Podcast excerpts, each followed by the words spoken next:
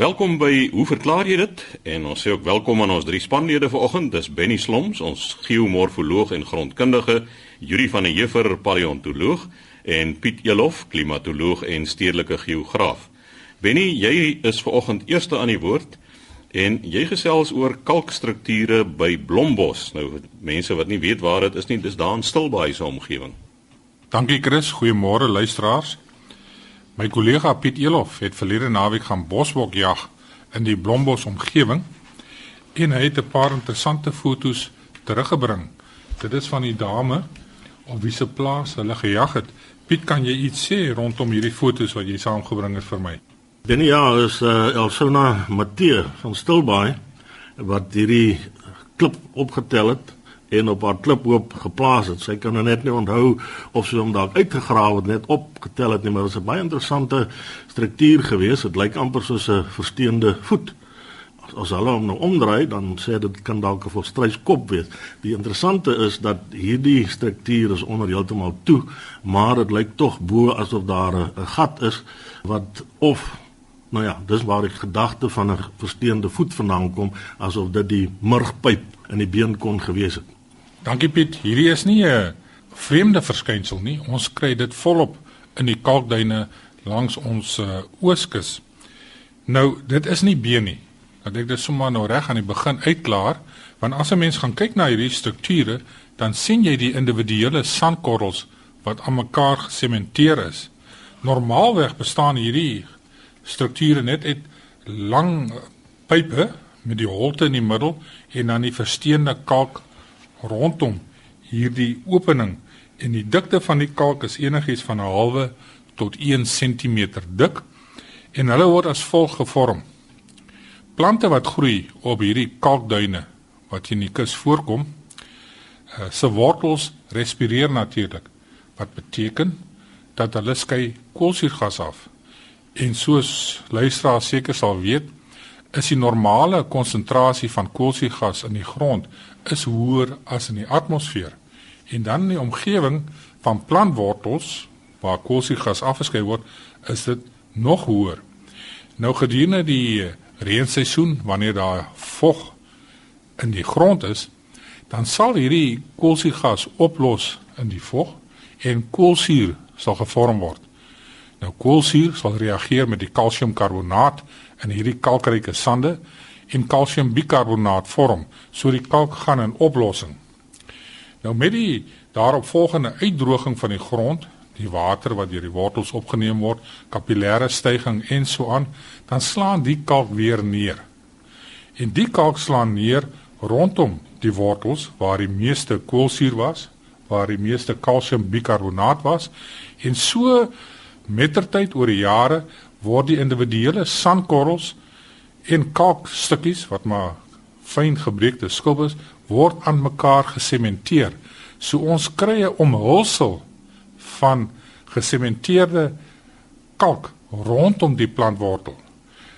Nou baie jare daarna wanneer die plante doodgaan en die binneste gedeelte die wortel verrot, dan sit 'n mens met die opening in die middel van hierdie struktuur, hierdie pypie.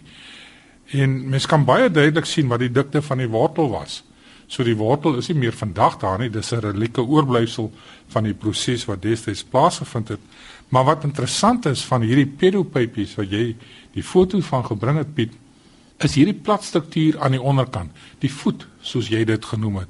Nou hoe vorm hierdie voet? Nou luisteraars in hierdie kalkduine vind beweging van kalk op 'n natuurlike wyse plaas reënwater wat effens suur is, los van die kalk in die duine op. Dit infiltreer saam met die reënwater na dieper lae toe. En dan as die water weer verdamp, dan slaan die kalk aan neer. So oor baie lank tyd kry mense dat in hierdie kalkduine word kalkbanke gevorm. Kalkkreet, dit is harde kalklaag wat vorm. Nou wat hier gebeur het, die plantwortel groei in hierdie boonste laag van die duin totdat die wortel op hierdie harde kalkbanke kom en dan groei die wortels horisontaal. So hierdie voetjie is die onderpunt van die wortel waar die wortels versprei het en natuurlik nog steeds gerespireer het, nog steeds kalsium opgelos het en dat neerslaan het en dit gee vir jou die voetjie. Die onderkant van die voet was die harde kalkbank gewees Piet waar die wortels nie deur kon dring nie. So, dis 'n baie interessante verskynsel die die pypies, die wortelgedeelte, dis vry algemeen in die duine, maar dat hy so 'n voetjie maak waar die wortels geëindig het op die harde kalkreet, dit is baie interessant. 'n Tweede verskynsel wat ook voorkom in duine, nie noodwendig net kalkduine nie, dit kan duine ook wees met suursande, is dat in omgewings waar daar weerlig voorkom, donderweer voorkom, dat die weerligstrale wat op hierdie sande slaan, sal van die uh, sandkorrels smelt, die silika smelt en jy kry dan hierdie gesilifiseerde buise of strukture ook in die sand, maar dit is totaal anders as die goed wat 'n mens by Blombos kry, waar 'n mens nog steeds die individuele sandkorrels kan herken in hierdie strukture wat rondom die plantwortels gevorm het. Benny, ek dink nie 'n mens kan die luisteraar kwaadlik neem dat sy gedink het dat dit uh, dalk 'n versteende voet of iets is nie, want in daardie area word daar ook heelwat argeologiese opgrawings gedoen. Heeltemal reg, Chris, maar sou dit gebeente gewees het, been gewees het, dan sou die kalk van die been is natuurlik kristalline kalk. Jy sou nie die individuele sandkorrels gesien nie. Hierdie is baie grower. So die verskil tussen die been en sand wat gesementeer is, is totaal verskillend. Jy is heeltemal reg. Van die interessantste argeologiese verskynsel kry jy naby aan die see op hierdie duine. En een van die interessante goed wat 'n mens daar kry, is die hoope skulpe wat die oormense daar by mekaar gemaak het, hulle natuurlik skulpkos by die kus gaan haal en dan geëet en dan hierdie skulpe is op sulke hoope nagelaat. En uh, dis natuurlik 'n bron van kalsiumkarbonaat en jy kry groot afsettings van hierdie tipe skulpe kry in omgewings soos Kuga daar naby Port Elizabeth. Ek het al van die bene gesien wat daar op hierdie duine voorkom en ek praat onder korreksie maar Yuri so klompie jaar gelede was daar 'n vraag gewees oor olifantbene ek weet dit was 'n groot soogdier se bene wat gekry is in hierdie kalkomgewings ek weet nie of jy nog kan onthou van daardie navraag wat ons gehad het nie ja beslis uh, ek was betrokke daarbey want ehm, 'n um, kerel wat afgetree het by uh, Struisbaai kon kreer. Hy's kon is nou al redelik oud. Hy het in die omgewing rondgeloop en toe hulle olifantbene gekry daar. En ons is toe af soontoe en ons het die olifant geraamte het ons toe nog gaan besigtig en saam daarmee was ons in die duine ingewees en uh, hyena skedels gekry en 'n hele klomp ander skedels juis soos wat jy vertel het omdat dit 'n kalkryke omgewing is dan ontkalk die bene nie en dit word baie mooi gepreserveer en die spesifieke olifant skelet is deur natuurbewaring ontdek toe hulle jare gelede besig was om een of ander gras op die duine aan te plant om erosie te verminder. En elke stukkie van die olifant wat hulle gekry het, het hulle toe bymekaar gemaak en na die Demont toe geneem, daai natuurpark wat daar is. En ons het toe die olifant nou gaan aan mekaar sit, by mekaar sit liewer en uh, die heupbene het albei aan die bokant gate ingegaan wat dit lyk asof dit 'n manier was om die murg daar uit te kry.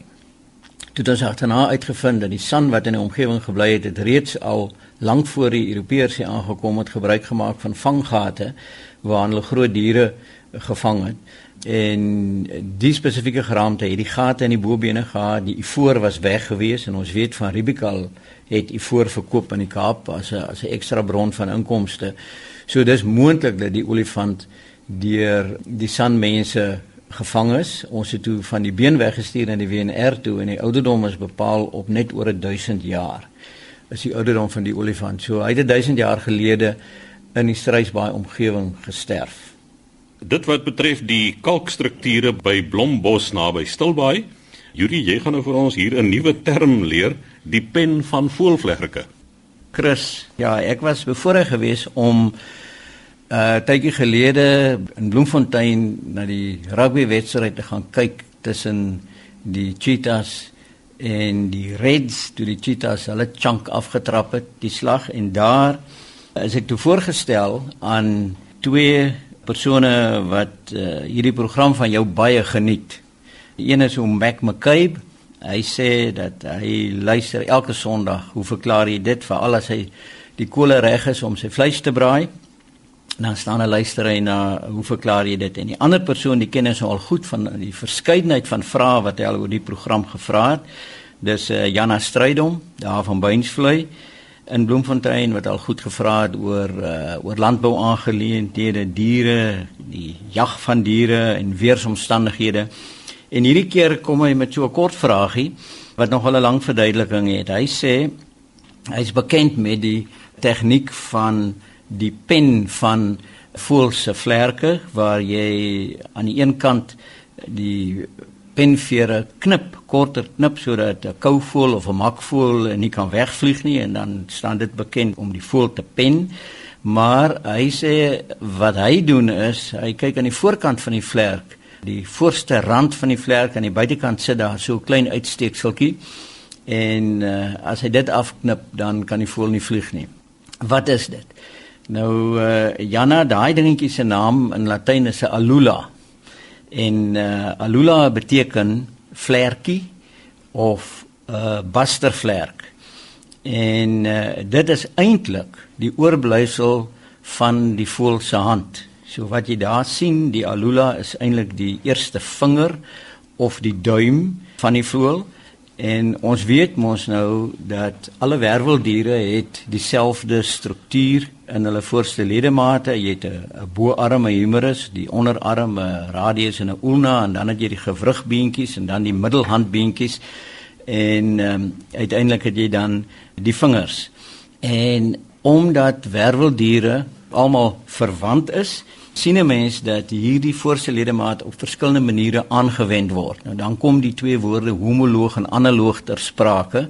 As mens praat van 'n uh, struktuur of 'n verskynsel of 'n uh, ledemaat wat homoloog is, dan beteken dit dat dit dieselfde ontstaan het, dieselfde uh, ontstaan het 'n gemeenskaplike voorvader, maar dat dit op verskillende maniere aangewend word. So die klassieke voorbeeld in die in die biologie teksboeke oor hierdie aspek is dan gewoonlik die voorste ledemaat van 'n voël of 'n pikkewyn of 'n olifant of 'n perd of 'n rob wat dan al hierdie verskillende elemente in die ledemaat het, maar dit lyk by elkeen anders, sodat die voorste ledemaat van 'n duinemol baie anders sal lyk as die van 'n voël, want 'n duinemol grawe daar en 'n voël vlieg daarmee. En om dit te vermag, word die verskillende elemente verskillend aangepas, sodat wanneer ons na 'n vlermuis se vler kyk, dan sien jy dat die vingers verleng is om daai vlerkmembraan oop te hou sodat hy kan vlieg terwyl by voëls is die vingers in die hand kleiner gemaak en die res van die elemente is groter en sterker om dan hierdie kragtige vliegvermoë te ondersteun. Die term analoog verwys dan na strukture wat dieselfde funksie het maar wat verskillende oorsprong het. En daar kan 'n mens dink aan die vlerk van 'n voël en die vlerk van 'n skoenlapper.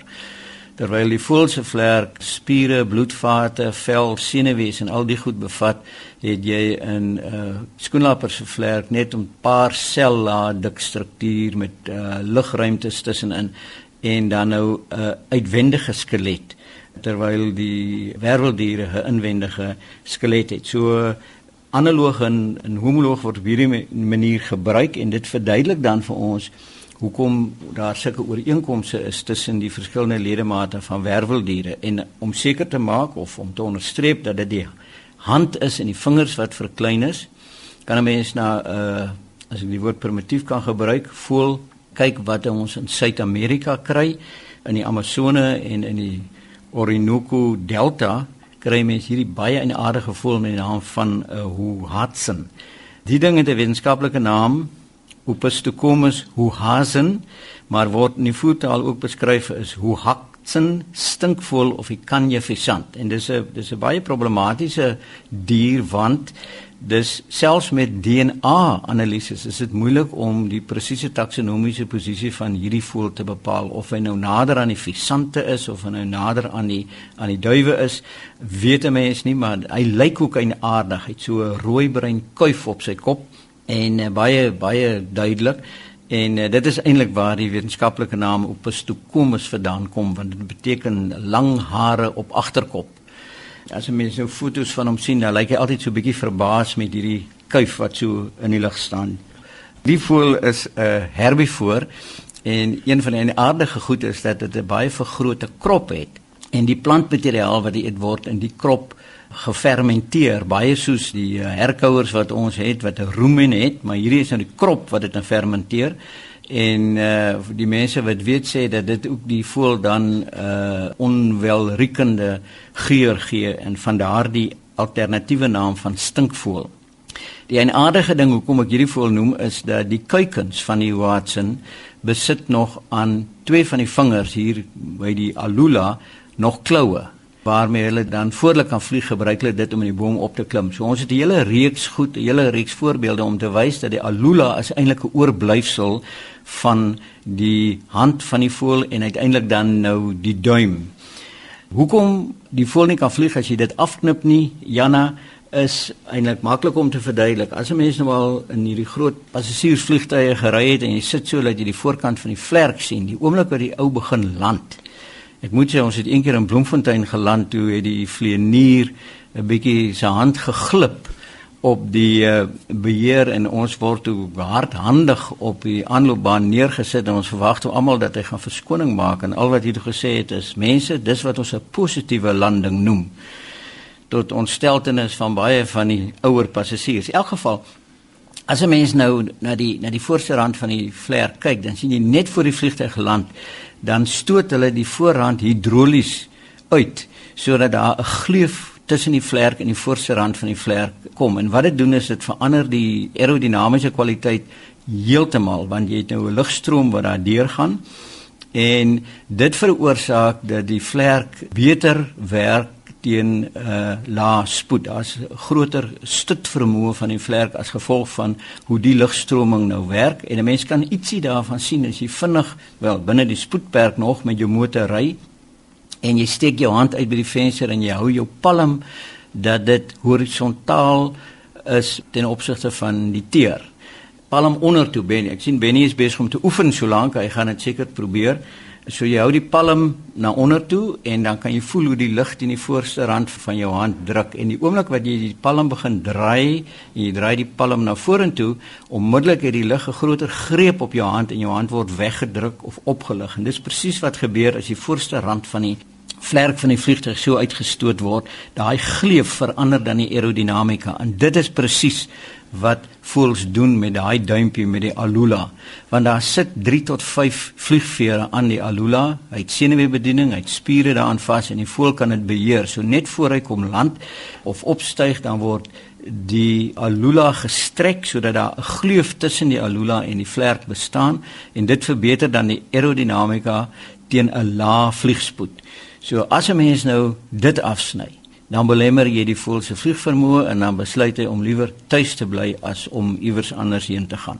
Hierdie as 'n mens nou hierdie pen, vere pen, vlerke pen, doen mense dit met albei of net met een? Nee, ek het om die waarheid te sê, ek het pas gehoor van die kenners hier om die tafel voor ons met die program begin het dat mense dit net met een vlerk doen, maar jy weet die antwoord. So wil jy nie vir ons sê wat gebeur nie? Ek vermoed dis dat daardie voel se een kant met 'n papwiel en dan gaan hy nie regtig so lekker kan opstyg nie. Yuri met ander woorde as jy nou die alula het jy dit genoem afknip, dan hoef jy nie die res van die penvere aan daardie vlerk af te knip nie. Nee, dit hoef jy dan nie te doen nie, maar die, as jy nou die alula afknip, knip jy 'n vinger af. Met ander woorde, die voël sal nooit weer vlieg nie. As jy penvere knip wat kan weer groei, dan as jy hom later laat gaan, dan sal die voël weer kan vlieg. So dis 'n permanente verandering wat jy aanbring aan die voël. Ek onthou nou as kind het mense dit gewoonlik gedoen veral met kapokkies wat nog al 'n baie goeie vliegvermoë het sodat hulle nie oor die hok se draad vlieg nie, het hulle altyd die gereeld die vlerk se penvere afgeknip. Maar dan knip jy net een kant af. Korrek. Ja. En so sê Yuri van der Heever, ons paleontoloog, Laaste aan die woord Piet Elof, ons klimatoloog en stedelike geograaf. Piet, jy praat oor vuur tornado's. Nou nie 1 2 3 4 nie, maar vuur wat brand tornado's. Ja Chris, ek het 'n brief gekry van Johan daai uit Kimberley uit en hy sê na aanleiding van onlangse nuusberigte oor tornado's wat verwoesting gesaai het in die VSA is vra hy is daar so iets soos 'n tornado van vuur, vlamme. En hoe ontstaan so iets? Nou ja, ons het in vorige programme het ons reeds gesels oor tornado's en hoe hulle gevorm word. Maar iets wat my opgeval het met betrekking tot hierdie onlangse tornado's in die FSA is die wyte van daai tornado's. Jy weet ons reken dat 'n tornado is enigiets van 50 meter tot 150 meter wyd. Hierdie was 4 km wyd waar die verwoesting gesaai is of waar die verwoestingspad wat hierdie tornado gevolg het. Nou weer eens ek het dit al voorheen genoem die Amerikaners is lief vir rekords. Hierdie eens dink ek het hulle rekord hier in terme van die wydste verwoestingspad wat uh, orkaan geloop het met winde natuurlik wat aangeteken is 474 km per uur. Nou mense kan dink as jy ook kyk na die fotos wat geplaas is, baie van die strukture, die huise is van oud gebou. Hulle is eenvoudig plat gevee. Die plek, die huise is skoon gemaak bo die fondasies. Dit is heeltemal weggewaai. En natuurlik in hierdie geval was daar drie stormjagters wat ook met hulle lewe geboet het. Dit is nou wetenskaplikes wat so naas moontlik aan die tornado's probeer kom om te leer oor die oor die werking daarvan en drie van hulle het uh, omgekom in hierdie laaste twee tornado's wat Oklahoma omgewing dan getref het. Natuurlik wat nog skrikwekkender is as so 'n tornado nie net uit wind en vleiende stukke bestaan nie, maar as dit ook uit vuurvlamme bestaan, dan kan 'n mens dink wat se verwoesting dit sal saai. Daar word ook uh, in Engels verwys na 'n fire devil seker maar na aanleiding van die dust devil, die dwarrelwind wat ons uh, ook hier by ons dikwels waarneem. Nou as daar byvoorbeeld veldbrande of bosbrande voorkom, is daar natuurlik warm lug wat styg. En daai lug wat styg word natuurlik aangevul met vars lug uit die omgewing uit. Dit is hoe daai spiraal dan ontstaan. Nou mense kan selfs uh, aanvaar dat as daar vuur is, dan is hierdie stygings eintlik nog meer intens as gevolg van die warm lug wat minder dig is en dan dan styg. So daar word ook gesê dat ehm um, wanneer mense so vier tornado sien, dan klink dit vir jou soos 'n straalvliegtuig wat verbygaan, die geluid wat hy maak, daai suigkrag wat hy het en uh, dan natuurlik dan sal daai vuur ook dit wat stikkend gewaai is natuurlik ook nog verder dan gaan verwoes. Dit is iets wat al waargeneem is en gefotografeer is veral in Australië maar ook by enige ander plek waar daar bosbrande is wat mense natuurlik ook vind by hierdie gevalle is dat baie van die plantasies waar daar vure voorkom hars word vrygestel en daai hars is redelik vlambaar so dit is nogal 'n skrikwekkende ding om te aanskou daar word ook gesê dat in hierdie laaste tornado's wat in Oklahoma voorgekom het mense in 'n motor 180 meter opgelig en verskuif is en weer in 'n in 'n sloot gaan neersit en dit dit kan self nie lekker wees nie. Dan het daar nie 'n vlamme daarbey betrokke. Maar ek het ook uh, ergens gelees dat in 1923 tydens so 'n uh, aardbewing wat in Japan voorgekom het, was daar so 'n tornado van 4 en 38000 mense het omgekom binne 'n kwessie van 15 minute wat uh, waarskynlik dan nou in die pad van daardie vier tornado was. So uh, Johan, ja, daar kom sulke goed voor. Genadiglik nie iets wat ons elke dag sien nie en veral wanneer dit in beboude en stedelike gebiede voorkom waar daar 'n redelike groot klomp mense bymekaar is, dan kan dit dan kan dit verwoestend wees. Piet, ek sien nou jy's en kyk na die foto wat jy saamgebring het oor so 'n vier tornado. Uh dis 'n ongelooflike verskynsel. Is etlike honderde meters lug in wat hierdie vlamme strek. Ek kan onthou by geleentheid dat ek op televisie op een van die programme so vier tornado gesien het binne in 'n plantasie, maar dit was onder op die grond en die hoogte van die bome.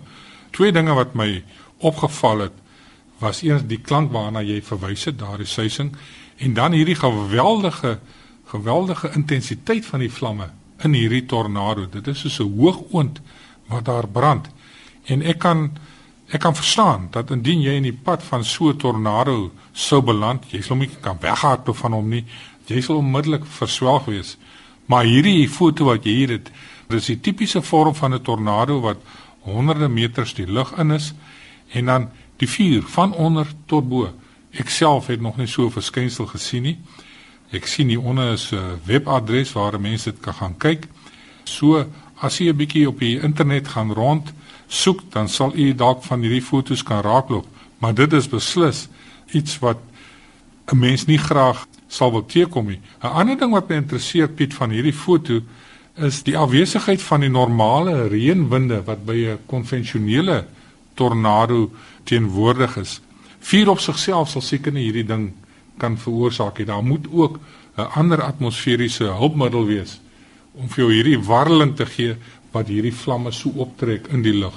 Benny, dis juist die stygende lug wat hier eh, 'n uh, baie belangrike rol speel wat dan nou ek wil amper sê 'n uh, laer druk hieronder veroorsaak wat beteken dat hier nuwe lug in beweeg van die van die omgewing af en dan in 'n kolkbeweging in in ontwikkel. En so sê Piet Elof wat vir ons vertel het van die vier tornado's. U kan gerus aan ons skryf by hoe verklaar jy dit? Posbus 2551 Kaapstad 8000 of stuur 'n e-pos aan chris@rsg.co.za.